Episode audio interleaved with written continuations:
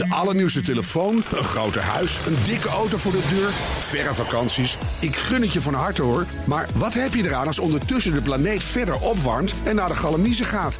Wil je echt weten hoe het zit en wat we eraan kunnen doen? Luister dan naar BNR Duurzaam. Elke maandag tussen 3 en half 4 op de radio en altijd online als podcast. Want die volhoudbare wereld, die maken we samen. BNR Duurzaam wordt mede mogelijk gemaakt door Milieuservice Nederland. De ondernemende afvalpartner voor zakelijk Nederland. Factgoeroes. Frank Leeman, goedemorgen. Ja, goedemorgen. Ja, je hebt vandaag iets te checken uit de Big Five van gisteren... waar Jacques de Gauw, de grote baas van GGD GHOR... te gast was bij Diana Matroos. Precies, hij zei daar bijvoorbeeld dit. Als we het vaccin niet hadden gehad... dan hadden we nu 6000 intensive care bedden nodig gehad. En hij zei dit. Als 100% van de mensen gevaccineerd zijn... dan hadden we nu geen probleem, dan stonden we hier nu niet. Nee, dus ja, die 6000 die klinkt dan heel veel... en dat andere dat klinkt heel optimistisch. Dus ik vroeg me af, klopt dat wel? Hmm. Even voor de harde cijfers. Gisteren 23.000 besmettingen. Nu 470 mensen op de intensive care. Vorig jaar november waren er iets van 500 mensen op de IC bij 6000 besmettingen. En dan zou je kunnen zeggen, ja, die vaccinaties die, uh, die helpen toch wel. Maar kunnen we die cijfers doortrekken? Nee dus. Nee, dat kan dus inderdaad helaas niet. Want het is uiteraard weer veel ingewikkelder. Want er is nu de Delta-variant en er zijn een aantal andere variabelen. Oh, ja. En je moet uitgaan van hoe goed het vaccin op dit moment beschermt tegen IC-opname. Dat heet dan de vaccin-effectiviteit of vaccine efficacy. En zo sprak ik met Henk-Jan Westeneng, onderzoeker bij UMC Utrecht. Die uitlegt hoe je dat dan wel uitrekent. We hebben uh, uh, vaccins, hebben, we gaan even uit van een effectiviteit van 93%. Betekent dat we ongeveer 13 op de 14 IC-opnames voorkomen. En dat betekent dus dat het aantal IC-opnames helemaal zonder vaccinatie ongeveer 14 keer hoger zou zijn. Ja, ongeveer, want die formule is iets ingewikkelder. En als we dan berekening maken op de IC-bezetting van 20 november, dat waren er 430, dan zouden dat er zonder vaccinaties ongeveer 4300 zijn. Dus dat is dan niet die 6000. 6000 okay. Maar goed, even goed raakt dan wel de poep de ventilator in de zorg. uh, Zeker. Dus ja, die orde van grootte klopt wel ongeveer. Ja, oké. Okay. Nou, die andere uitspraak hè, die uh, de Gauw gisteren deed als iedereen gevaccineerd was, 100%, hadden we geen probleem gehad.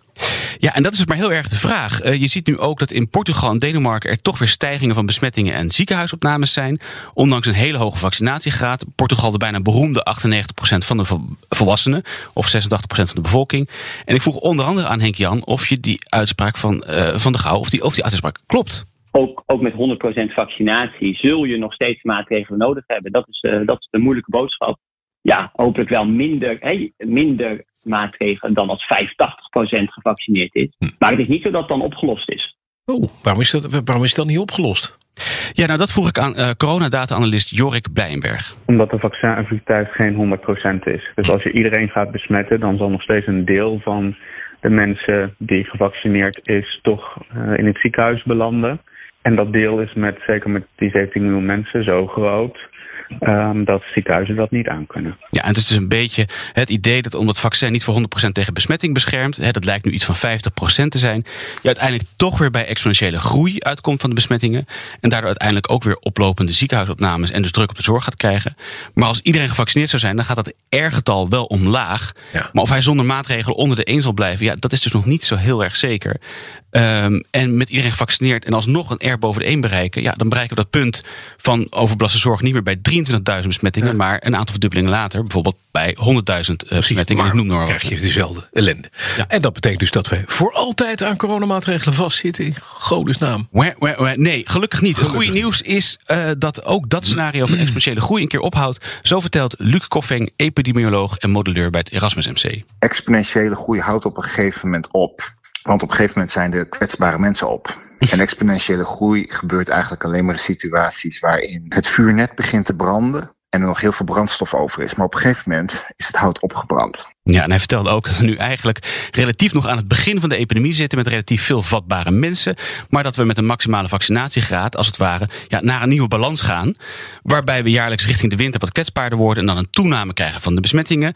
En dat kinderen bijvoorbeeld uh, hun eerste besmetting zullen doormaken, maar volwassenen bijvoorbeeld al een derde of vierde. Mm-hmm. En hij vertelde dat we dan op zich richting een soort van herkenbaar patroon gaan komen. En dat zal een continue dans zijn van de infectie die rond blijft waren, mensen die hun weerstand verliezen.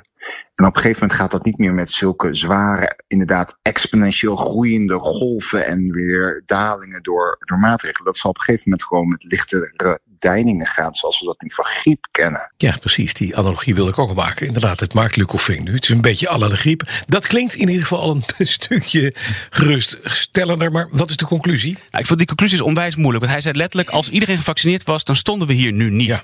Ik denk dat de conclusie is dat we hier dan wel stonden, maar wel op een hele andere manier. Want dat we niet meer in de problemen komen of zullen komen, ja, dat is nog niet zo zeker. Want het beschermt dus niet volledig tegen besmetting. En zonder maatregelen komen we uiteindelijk toch weer op exponentiële groei van besmettingen terecht. Uiteindelijk ook die ziekenhuisopnames. Het is dus wel zo dat het proces eindig is, maar het is niet zo dat bij de laatste spuit in de arm ineens alles opgelost is. Ja. ja, de situatie is dan overigens wel heel veel beter dan nu. Wat is er dan minder en of minder zware maatregelen nodig zijn om de boel onder controle te houden. Totdat we de nieuwe balans hebben gevonden hè, om te leven met het virus, zoals met de griep. Dus Ja, precies. Misschien dat die pil ooit gaat helpen, hè, waar nu aan gewerkt wordt. ja, die komt natuurlijk ook nog bij. Dus Ja, dat zijn allemaal Dat dingen die, die, kunnen helpen. die Ja. in die berekening het moeilijk maken. In ieder geval zo stellig als eh, de heer De Gouw het stelde. Dat is, niet helemaal Niet kloppend. helemaal, nee. Maar dat was een beetje de, dat was de moeilijke boodschap. Het goede boodschap zat toch in het laatste stuk. Ja, dat is precies. Ja? Dus daar Hou mogen we best een beetje blij. Ja. Houden dit vast. Dankjewel. Frank Leeman, onze fact guru.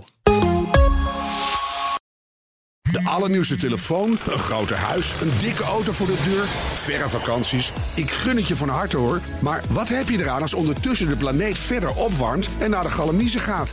Wil je echt weten hoe het zit en wat we eraan kunnen doen? Luister dan naar BNR Duurzaam. Elke maandag tussen drie en half vier op de radio en altijd online als podcast. Want die volhoudbare wereld, die maken we samen. BNR Duurzaam wordt mede mogelijk gemaakt door Milieuservice Nederland. De ondernemende afvalpartner voor zakelijk Nederland.